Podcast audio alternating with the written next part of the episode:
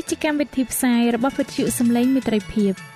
វិទ្យុសំឡេងមេត្រីភាពសូមស្វាគមន៍អស់លោកអ្នកស្ដាប់ទាំងអស់ជាទីមេត្រី នាងខ្ញុំសេកសុចិន្តាវតី ហើយខ្ញុំបាទអង្គច័ន្ទវិជ្ជៈក៏សូមស្វាគមន៍លោកអ្នកស្ដាប់ទាំងអស់ផងដែរនៅពេលនេះយើងខ្ញុំមានសេចក្តីសោមនស្សរីករាយដែលបានវិលមកជួបអស់លោកអ្នកនាងកញ្ញាអ្នកស្ដាប់សាជាថ្មីម្ដងទៀត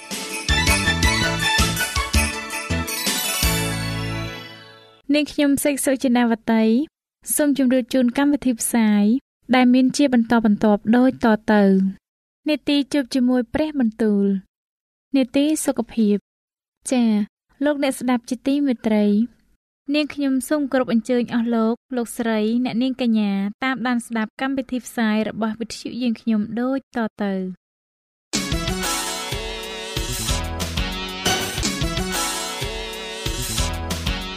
នេតិ ជួបជាមួយព្រះបន្ទូល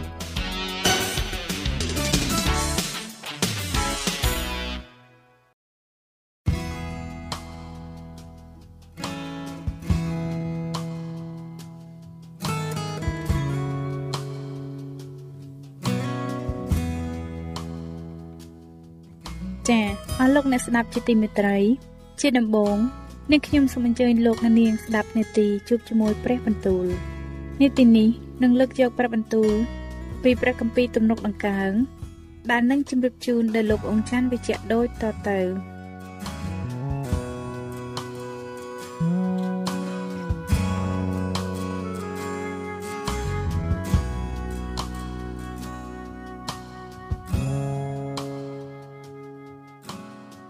ព្រះគម្ពីរទំនុកដំកើងជំពូកទី129 គូឲ្យសាអ៊ីស្រាអែលនិយាយឥឡូវថា តាំងពីខ្ញុំនៅក្មេង គេបានធ្វើទុកខ្ញុំជាច្រើនដងហើយ គឺតាំងពីខ្ញុំនៅក្មេង គេបានធ្វើទុកខ្ញុំជាច្រើនដងមែនតែគេមិនបានឈ្នះខ្ញុំឡើយ ពួកអ្នកព្យួរបានព្យួរខ្នងខ្ញុំ គេបានធ្វើកន្លងគេឲ្យវែងតែព្រះយេហូវ៉ាទ្រង់សុចរិតទ្រង់បានកាត់បណ្ដាច់អស់ទាំងចំណងរបស់ពួកមនុស្សអាក្រក់ចេញ សូមឲ្យអ្នកដែលស្អប់ក្រុងស៊ីយ៉ូនបានត្រូវខ្មាស់ហើយត្រឡប់ថយក្រោយទៅសូមឲ្យគេ បានដូចជាស្មៅដែលដោះនៅលើដំបូលផ្ទះដែលស្វិតក្រៀមទៅមុនដែលដោះធំឡើងផង ជាស្មៅដែលមិនបានបំពេញដល់ដៃនៃអ្នកច្រូតឡើយក៏មិនបានបំពេញអោបនៃអ្នកដែលចងបាច់ដែរហើយពួកអ្នកដែលដើរតាមទីនោះក៏មិនថាសូមឲ្យព្រះពរនៃព្រះយេហូវ៉ានៅលើឯងចុះ យើងឲ្យពរដល់ឯងដោយនៅព្រះនាមព្រះយេហូវ៉ានោះឡើយ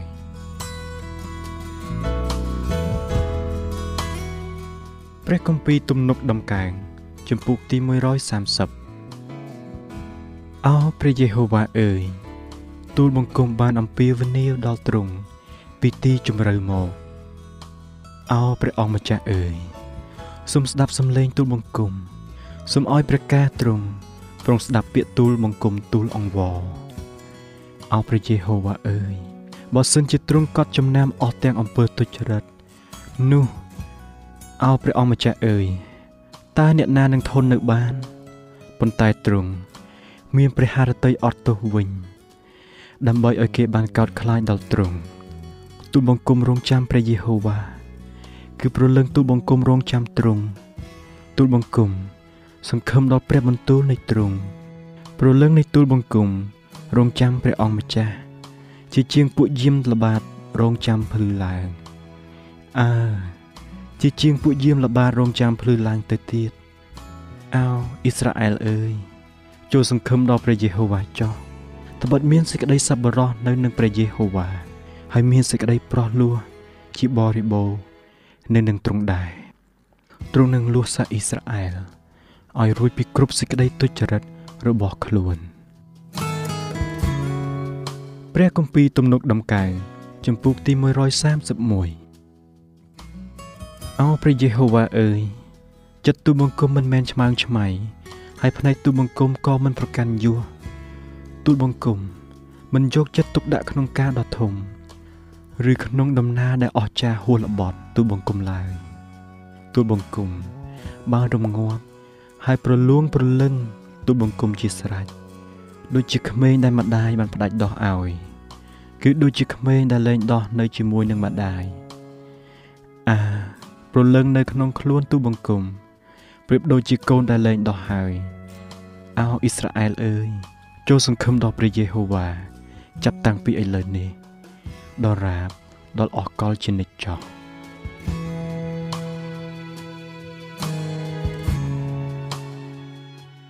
ព្រះគម្ពីរទំនុកដំកើងជំពូកទី132អោព្រះយេហូវ៉ាអើយសូមទ្រង់នឹកចាំពីដាវីតហើយពីគ្រប់ទាំងសេចក្តីទុក្ខព្រួយរបស់លោក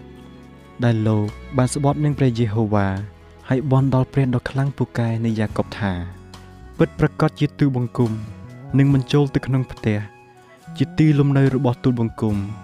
ឬឡើងទៅដេកនៅលើក្រែឡើយ ក៏មិនព្រមឲ្យភ្នែកទូបង្គំដេកលក់ឬឲ្យត្របកភ្នែកថ្មិចឡើយដរាបដល់ទូបង្គំបានរក បានទីកន្លែងសម្រាប់ព្រះយេហូវ៉ាគឺជាពន្លាសម្រាប់ព្រះដ៏ខ្លាំងពូកែនៃយ៉ាកុបមើលញីខ្ញុំបានលឺនិយាយនៅភូមិអេប្រតាក៏ប្រទះឃើញនៅវាលយ៉ាអឺញីខ្ញុំនឹងចូលទៅក្នុងពន្លារបស់ទ្រង់ញីខ្ញុំនឹងក្រាបថ្វាយបង្គំ នៅមុខទីកំណល់កលព្រះបាទទ្រង់ សូមក្រោកឡើងអោព្រះយេហូវ៉ាអើយសូមយាងចូលទៅក្នុងទីសម្រាករបស់ទ្រង់គឺទ្រង់ព្រមទាំងហឹបដ៏ជាព្រះចេស្តានៃទ្រង់ផង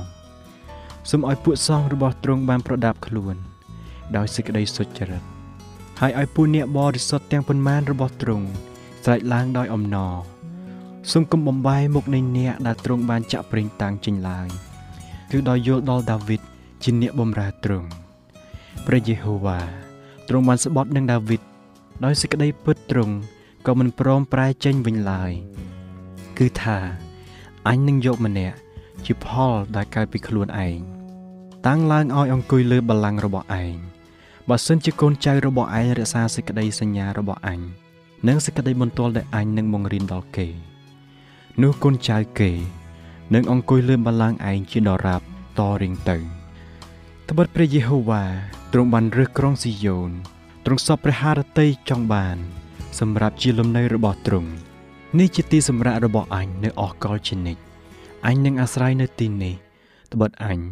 មានចិត្តចង់បានហើយអញនឹងឲ្យពរជាបរិបូរដល់ស្បៀងអាហាររបស់ក្រុងនេះ ហើយនឹងចំអែតមនុស្សក្រនៅក្រុងនេះ ដោយអាហារដ៏គ្រប់គ្រាន់ឯពួកសង្ឃអញនឹងតាក់តែងដោយសេចក្តីសង្គ្រោះ ហើយពួកបរិសុទ្ធនឹងស្រែកហូដោយអំណរនៅទីនេះអញនឹងធ្វើឲ្យស្នែងរបស់ដាវីតពេចឡើងអញបានចាត់ចែងចង្គៀងមួយសម្រាប់អ្នកដែលអញបានចាក់ប្រេងតាំងឲ្យអញនឹងយកសេចក្តីខ្មាស់តាក់តែងឲ្យពួកខ្មាំងសត្រូវរបស់លោក តែនលើក្បាលលោកវិញនោះនឹងមានមកុដដ៏រុងរឿងព្រះគម្ពីរទំនុកដំកើងជំពូកទី133 មើលដែលបងប្អូននៅមូលជាមួយគ្នាដោយចិត្តព្រមព្រៀងនោះជាការល្អហើយសំគួរយ៉ាងណាទៅនោះធៀបដូចជាប្រេងដ៏វិសេសដែលចាក់លើក្បាលក៏ហូរចុះមកដល់ពុកចង្ការ គឺជាពុកចង្ការរបស់អឺរ៉ុនរួចសក់ទៅដល់ជាអាវរបស់លោកផងក៏ធៀបដូចជាទឹកសន្សើមនៅលើភ្នំហឺម៉ូនដែលធ្លាក់មកលើភ្នំនៃក្រុងស៊ីយ៉ូនត្បិតនៅទីនោះ ព្រះយេហូវ៉ាបានប្រទានព្រះពរគឺជាជីវិតដ៏នៅអស់កលជានិច្ច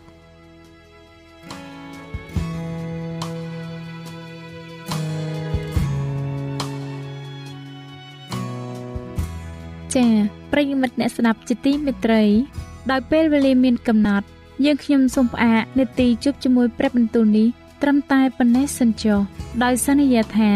នឹងលើកយកនីតិនេះ មកជម្រាបជូនជាបន្តទៀតនៅថ្ងៃស្អែកសូមអរគុណ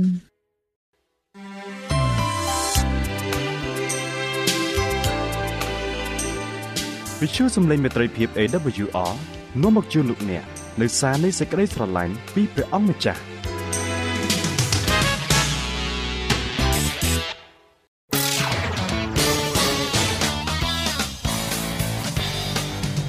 សូមជូននីតិសុខភាព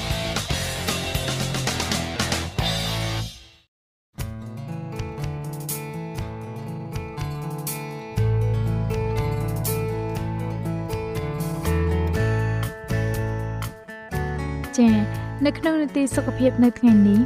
នាងខ្ញុំសូមគោរពអញ្ជើញអស់លោកអ្នកនាង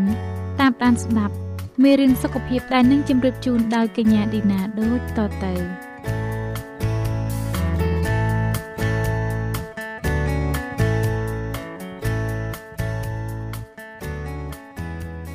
ចា៎នេះខ្ញុំសូមជម្រាបសួរដល់អស់លោកលោកស្រីដែលកំពុងតែស្ដាប់នាទីសុខភាពរបស់វិទ្យុសំឡេងមេត្រីភាពនៅពេលនេះ សូមឲ្យអស់លោកអ្នកប្រកបដោយព្រះពររបស់ព្រះវេដានិងប្រកបដោយព្រះគុណរបស់ព្រះយេស៊ូវគ្រីស្ទជាព្រះអម្ចាស់នៃយើងរាល់គ្នានៅថ្ងៃនេះនាងខ្ញុំមានអំណរណាស់ដែលបានវិលមកជួបអស់លោកអ្នកសាជាថ្មីម្ដងទៀតការពិភាក្សាទី2នៃមេរៀនដែលមានចំណងជើងថាជីវិតត្រូវតែមានតុល្យភាពនោះលោកអ្នកបានស្ដាប់ពី7ចំណុចរួចមកហើយដែលជួយធ្វើឲ្យលោកអ្នកមានសុខភាពល្អហើយនាងខ្ញុំក៏សូមរំលឹកទ្រុសទ្រុសទាំង7ចំណុចឡើងវិញមុននឹងតទៅចំណុចទី8ចុងក្រោយ ចាចំណុចទី1និយាយពីទទួលទានដំណេកឲ្យបានគ្រប់គ្រាន់ចំណុចទី2និយាយពីទទួលទានអាហារឲ្យបានត្រឹមត្រូវគឺជាអាហារដែលមានសុខភាពល្អនិងទៀងទាត់ពេលវេលាចំណុចទី3និយាយពីធ្វើលំហាត់ប្រាណជាប្រចាំចំណុចទី4និយាយពីទទួលទានទឹកបានគ្រប់គ្រាន់ចំណុចទី5និយាយពីត្រេះរិះពិចារណាឲ្យបានត្រឹមត្រូវចំណុចទី6និយាយពីរស់នៅដោយមានក្តីសង្ឃឹមនៅក្នុងជីវិត និងចំណុចទី7និយាយពីប្រើប្រាស់ពេលវេលាឲ្យបានត្រឹមត្រូវសម្រាប់ផ្ទាល់ខ្លួននិងសម្រាប់ក្រុមគ្រួសារចាហើយចំណុចទី7មិនទាន់ចប់នៅឡើយទេនាងខ្ញុំនឹងជម្រាបជូនពីសារៈសំខាន់នៃពេលវេលាជាមួយគ្រួសារតើការចំណាយពេលវេលាជាមួយក្រុមគ្រួសារមានសារៈសំខាន់យ៉ាងណាខ្លះហើយលោកអ្នកក៏អាចនឹងបានស្ដាប់ពីចំណុចទី8ជាចំណុចចុងក្រោយផងដែរ ចាតាមការស្រាវជ្រាវមួយបានឲ្យដឹងថាក្មេងជំទង់អាយុចាប់ពី12ដល់25ឆ្នាំនៅសហរដ្ឋអាមេរិកចំណាយពេល9ម៉ោងនិង17នាទីជារៀងរាល់ថ្ងៃជាមួយនឹងប្រព័ន្ធផ្សព្វផ្សាយដូចជាអ៊ីនធឺណិតទូរទស្សន៍ video games វិទ្យុហើយនិងទូរស័ព្ទដៃ ពេលវេលាភ្ញាក់ពីដំណេកជាងពាក់កណ្ដាលរបស់ក្មេងជំទង់ត្រូវបានចំណាយលើប្រព័ន្ធផ្សព្វផ្សាយអេឡិចត្រូនិកមនុស្សលោកសពថ្ងៃស្កប់ចិត្តជាមួយនឹងការឃើញអ្នកក្លាហាននៅក្នុងសាច់រឿងជាជាងធ្វើជាអ្នកក្លាហានដោយខ្លួនឯងឬមើលកីឡាជាជាងធ្វើលំហាត់ប្រាណដោយខ្លួនឯងមានអ្នកខ្លះបាននិយាយថាស៊ូចេញទៅផ្សាយសារព័ត៌មានជាជាងនៅមើលព័ត៌មាន ក្មេងនៅប្រទេសលោកខាងលិចជាច្រើនកំពុងរស់នៅដាច់ពីឪពុកម្ដាយនិងសហគមន៍រួមជំនឿរបស់ពួកគេឪពុកម្ដាយជាប់មមាញឹកនឹងការងារហើយកូនកូននិងយុវជនយុវនារីក៏រវល់ខ្លាំងណាស់ដែលរហូតគ្មានពេលវេលាសម្រាប់គ្រួសារតើការរស់នៅរបៀបនេះកំពុងតែកើតឡើងនៅប្រទេសកម្ពុជាយើងដែរឬទេ ក្មេងៗខ្លះមានអារម្មណ៍ថាពួកគេមិនដូចជាកូន ហើយពុកម្ដាយរបស់ពួកគេហាក់មិនឲ្យតម្លៃដល់ពួកគេសោះឬបបងពួកគេចោលនៅតាមផ្លូវឲ្យរកចិញ្ចឹមជីវិតដោយខ្លួនឯងក៏មានកូនក្មេងម្នាក់កំពុងតក់ក្រហល់ចង់ដឹងដំណឹងពីឪពុកម្ដាយខ្លួនក៏ចូលទៅរកមើលផ្ទះមួយ ដែលនៅទទេដែលស្រែកសួរថាផ្ទះនេះអត់មានឪពុកម្ដាយទេឬអីគេធ្វើការសាកសួរដល់សិស្សានុសិស្សចំនួន1500នាក់ថា អ្វីខ្លះដែលធ្វើឲ្យគ្រួសារមានសុភមង្គលចម្លើយដែលទទួលបានច្រើនជាងគេគឺឆ្លើយថាការធ្វើអ្វីអ្វីរួមគ្នាគ្រួសារដែលមានទំនាក់ទំនងជិតស្និទ្ធរៀបចំពេលវេលាប្រចាំគ្រួសារដោយបង្កើតឲ្យមានពេលវេលាសម្រាប់គ្រួសារច្រើនជាងអ្វីអ្វីផ្សេងទៀតការហូបអាហារជាមួយគ្នាកាន់តែញឹកញាប់ជួយឲ្យក្មេងៗទទួលបានអាហារដែលមានជីវជាតិគ្រប់គ្រាន់កាន់តែច្រើន បង្កើនភាពជោគជ័យក្នុងការសិក្សា និងជួយកាត់បន្ថយអត្រានៃអក្រិតកម្មនានា នៅពេលដែលគ្រួសារប្រកបអាហាររួមគ្នាការប្រស្រ័យទាក់ទងគ្នាក៏កាន់តែមានភាពប្រសើរឡើងធ្វើដូច្នេះបង្កើតឲ្យមានពេលវេលាគ្រប់គ្រាន់ដើម្បីឆ្លើយតបទៅនឹងសំណួរនិងស្ដាប់ពីសកម្មភាពនិងសេចក្តីត្រូវការប្រចាំថ្ងៃផ្សេងផ្សេងឪពុកម្ដាយដែលនៅជាប់នឹងកូនព្រមទាំងយកចិត្តទុកដាក់ពីកូនរមែងជៀសចេញពីសំណាញ់នៃទំនៀមទម្លាប់ធ្វើខុសទៅនឹងរបៀបរបបអ្នកដទៃព្រមទាំងយកពេលវេលាសម្រាប់ក្រុមគ្រួសារជាធំ អស់លោកអ្នកស្ដាប់ជាទីមេត្រីតើមានកំណត់អ្វីផ្សេងទៀតសម្រាប់ធ្វើការរួមគ្នាជាលក្ខណៈគ្រួសាររៀបចំឲ្យឱកាសនិងសកម្មភាពពិសេសពិសេសទុកជាអនុស្សាវរីយ៍ដែលមិនធ្វើឲ្យលោកអ្នកល្វើយកម្លាំងឬអស់ថវិកាច្រើនពេកចំណាយពេលនៅទីនេះបន្តិចនៅទីនោះបន្តិចពិតជាអាចជួយញ៉ាំងឲ្យមានភាពល្អប្រសើរឡើងឧទាហរណ៍3នាទីទុកគ្រាន់ស្ដាប់8នាទីសម្រាប់លេងបាល់ 5នាទីទុកលាងចានក្បានក្រោយពេលញ៉ាំអាហាររួច10នាទីសម្រាប់ថ្វាយបង្គំជាក្រុមគ្រួសារ12នាទីសម្រាប់ដើរលំហែក្បែរក្បែរលំនៅឋានបន្ទាប់ពីបរិភោគអាហារនិង4-10នាទីទៀតសម្រាប់រៀបចំគម្រោងកម្សាន្តសម្រាប់ក្រុមគ្រួសារ គ្រួសារមួយដែលធ្វើវិស្មការដោយចាយទុកលេងតាមស្ទឹង ហើយពេលដែលកំពុងតែចាយលេងនោះក៏ស្រាប់តែធ្លាក់ទៅក្នុងកន្លែងដែលទឹកហូរខ្លាំងតែនេះជាអនុស្សាវរីយ៍ដ៏ល្អសម្រាប់គ្រួសារទៅវិញទេគ្រួសារខ្លះទៀតចូលចិត្តទៅញ៉ាំអាហារក្នុងភោជនីយដ្ឋានថ្មីថ្មីហើយក៏មានគ្រួសារជាច្រើនទៀតដែលចូលចិត្តនិទានរឿងពេលយប់នៅនឹងគុកភ្លើង និងអានជីវប្រវត្តិរបស់វីរបុរសផ្សេងផ្សេងៗ ការធ្វើការរួមគ្នាគឺរួមបញ្ចូលទាំងការបំពេញកិច្ចការរួមគ្នាជាមួយកូនកូនផងដែរហើយអ្វីបានជាមិនបង្រៀនកូនកូនឲ្យចេះចម្អិនអាហារនិងរៀបរាប់ពីប្រវត្តិគ្រួសារនិងទំនៀមទម្លាប់ប្រចាំគ្រួសារទៅនាំកូនកូនទៅលេងក្នុងសួនបន្លែហើយបង្រៀនពួកគេពីអាកំបាំងនៃការដាំដុះការដកស្មៅពីដំណាំនិងការប្រមូលផល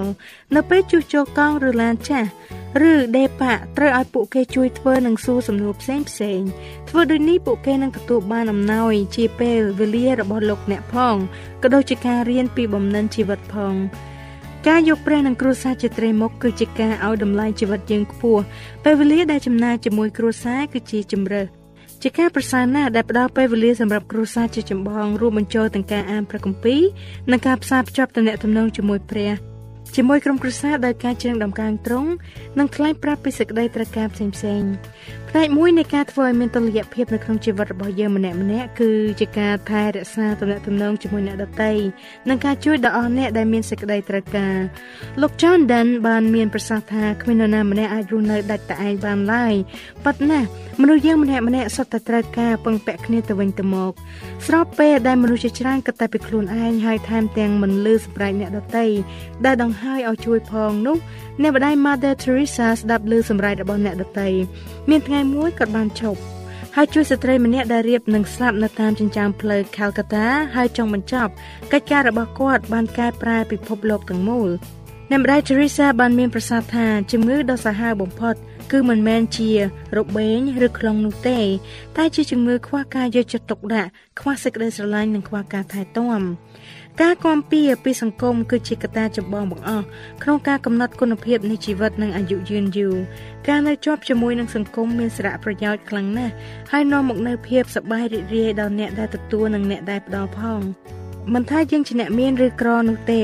យើងនៅតែអាចជួយអ្នកដែលមានសេចក្តីត្រូវការជាងយើងបាន។ ចាចំណុចទី8ការធ្វើឲ្យរាងកាយគំនិតប្រលឹងវិញ្ញាណនិងទំនាក់ទំនងរួមបញ្ចូលគ្នាមកតែមួយនៅក្នុងជីវិតប្រចាំថ្ងៃគឺជាវិធីដ៏ល្អបំផុតសម្រាប់នាំមកនូវតុល្យភាព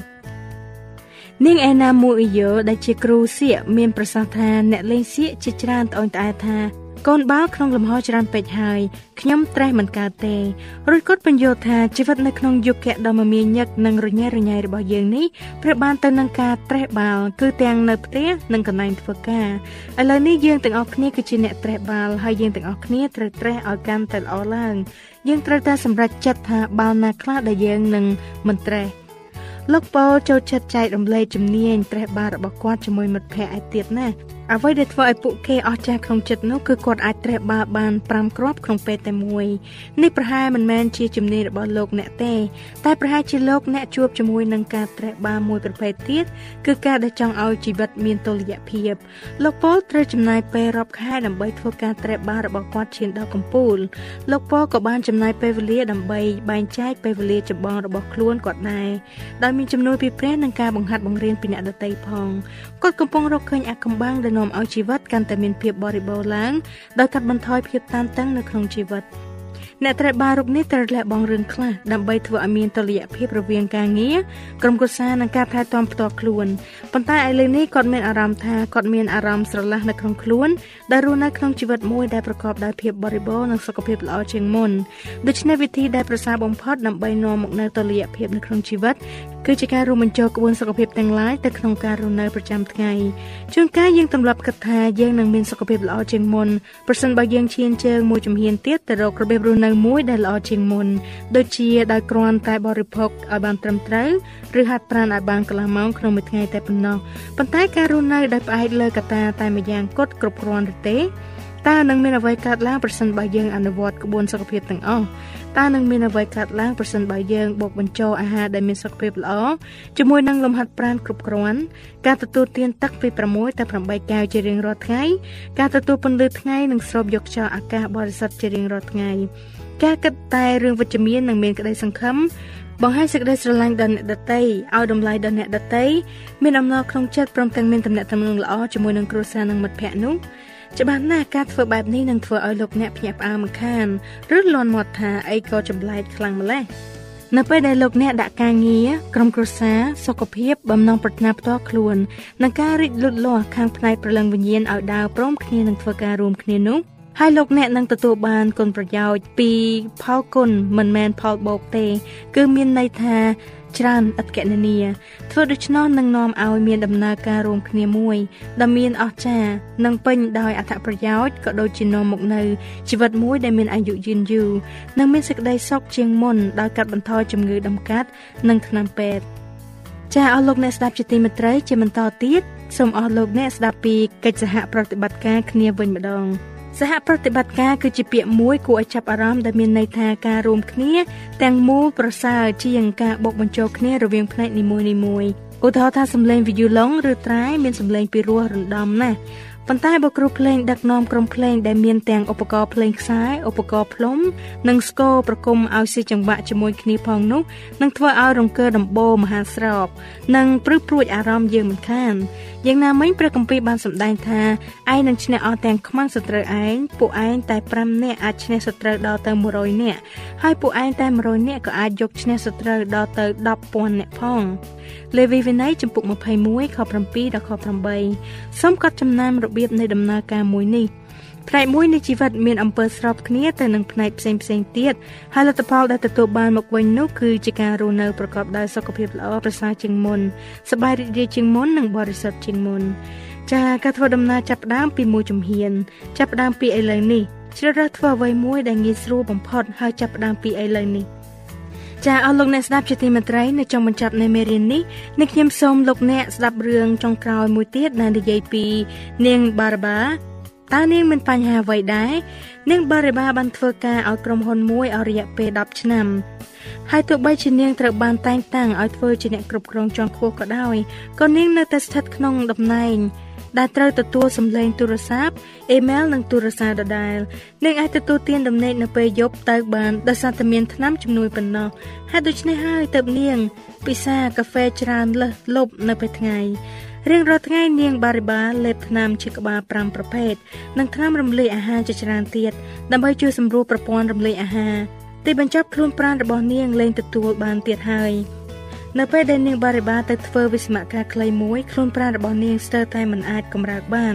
នាងអស់កម្លាំងលហិតលហើយជាខ្លាំងពន់ពេក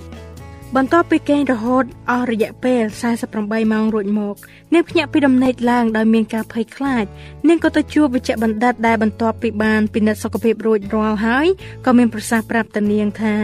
នាងគឺជាអ្នកជំងឺម្នាក់ដែលមានសុខភាពល្អដែលលោកមិនធ្លាប់ជួបពីមុនមក លោកមានប្រសាសន៍ប្រាប់ទៅនាងថានាងមានភាពតានតឹងនៅក្នុងចិត្តខ្លាំងពេករួចហើយលោកវិជ្ជបណ្ឌិតក៏ចេញវិជ្ជបញ្ជាមកថានាងរកការងារថ្មីការលាលែងពីតំណែងជាអ្នកគ្រប់គ្រងជាន់ខ្ពស់បែបនេះពិតជាលំបាកធ្វើចិត្តណាស់ប៉ុន្តែនាងបារបាសុខចិត្តស្ដាប់តាមរាងកាយរបស់នាងនាងមានជំនឿថាព្រះនឹងមិនអោយនាងបរាជ័យឡើយរួចនាងក៏ដាក់ពាក្យលាឈប់ពីការងារអ្នកបារបាក៏រកឃើញជីវិតពិតរបស់ខ្លួនសារជាថ្មីមានទំនាក់ទំនងជាមួយមិត្តភ័ក្តិសារជាថ្មីនិងគ្រប់គ្រងជីវិតខ្លួនឯងបានជាថ្មីឡើងវិញរយៈពេលដើរកំសាន្ត8សប្តាហ៍ដោយមានប្រាក់ឧបត្ថម្ភមកពីកន្លែងការងារបានបង្រៀនឲ្យនាងបារិបាដឹងថាជីវិតដែលគ្មានតុល្យភាពគឺជាជីវិតដែលគ្មានន័យតតែសោះ ក្រោយមកនាងក៏ទៅសម្ភារការងារថ្មីមួយដែលមិនសូវស្មុគស្មាញដូចមុនបើទោះបីជាប្រាក់ចំណូលពីការងារនោះទាបក៏ពិតមែនតែនាងមានសេចក្តីអំណរលុយកាក់មិនសំខាន់ទេតែជីវិតដែលមានតុល្យភាពទៅវិញទេដែលមានសារៈសំខាន់ ទីបញ្ចប់នាងគ្រប់គ្រងលើជីវិតរបស់នាងបានហើយសុខភាព នាងក៏វិលទៅរកភាពដើមវិញ ចាចំណុចសំខាន់នៅក្នុងមេរៀននេះគឺថាឧបសគ្គនៃឱកាសក្នុងជីវិតដ៏អស្ចារ្យនឹងកំពុងលូតលាស់យើងម្នាក់ម្នាក់អាចរស់នៅដែលមានតុល្យភាពបានជារៀងរាល់ថ្ងៃនៅក្នុងកម្រិតមួយខ្ពស់យ៉ាងមានប្រសិទ្ធភាព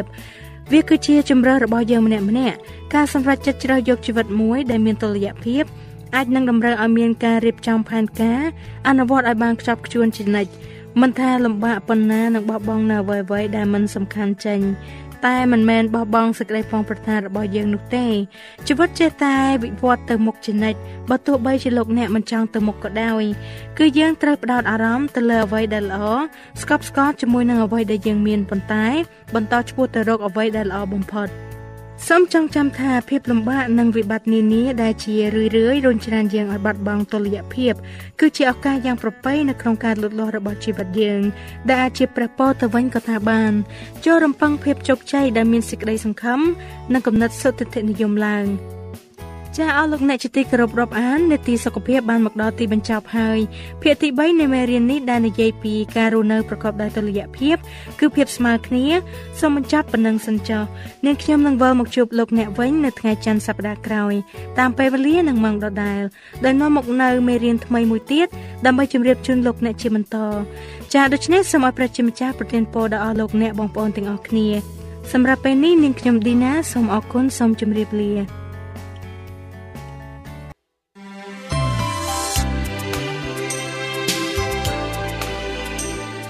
វិទ្យុសំឡេងមេត្រីភាព AWR មានផ្សាយពីរដងក្នុងមួយថ្ងៃគឺព្រឹកនៅម៉ោង6និងពេលយប់នៅម៉ោង8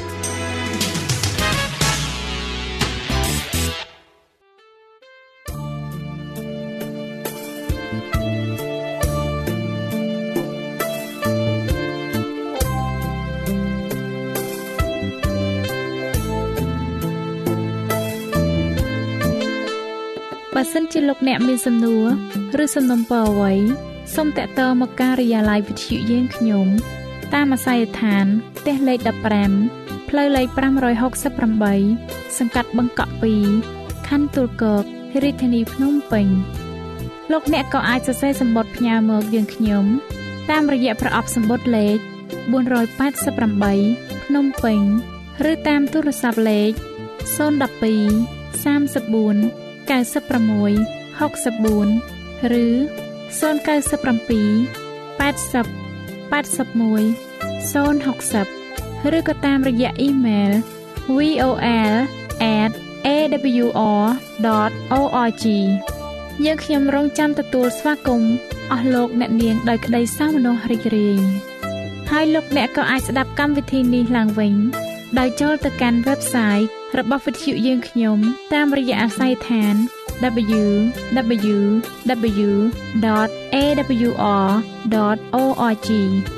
លោកអ្នកនាងកញ្ញាជាទីមេត្រី កម្មវិធីផ្សាយរបស់វិទ្យុសំឡេងមេត្រីភាពនៅពេលនេះសូមបញ្ចប់តែប៉ុណ្ណេះយើងខ្ញុំសូមអរគុណចំពោះការតាមដានស្ដាប់របស់អស់លោកអ្នកតាំងពីដើមរហូតដល់ចប់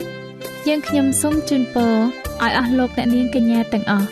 បានចម្រើនឡើងក្នុងព្រះគុណព្រះអង្គម្ចាស់ ហើយក្នុងការទទួលយកព្រះយេស៊ូវគ្រីស្ទជាព្រះអង្គម្ចាស់និងជាព្រះអង្គសង្គ្រោះនៃយើងរាល់គ្នា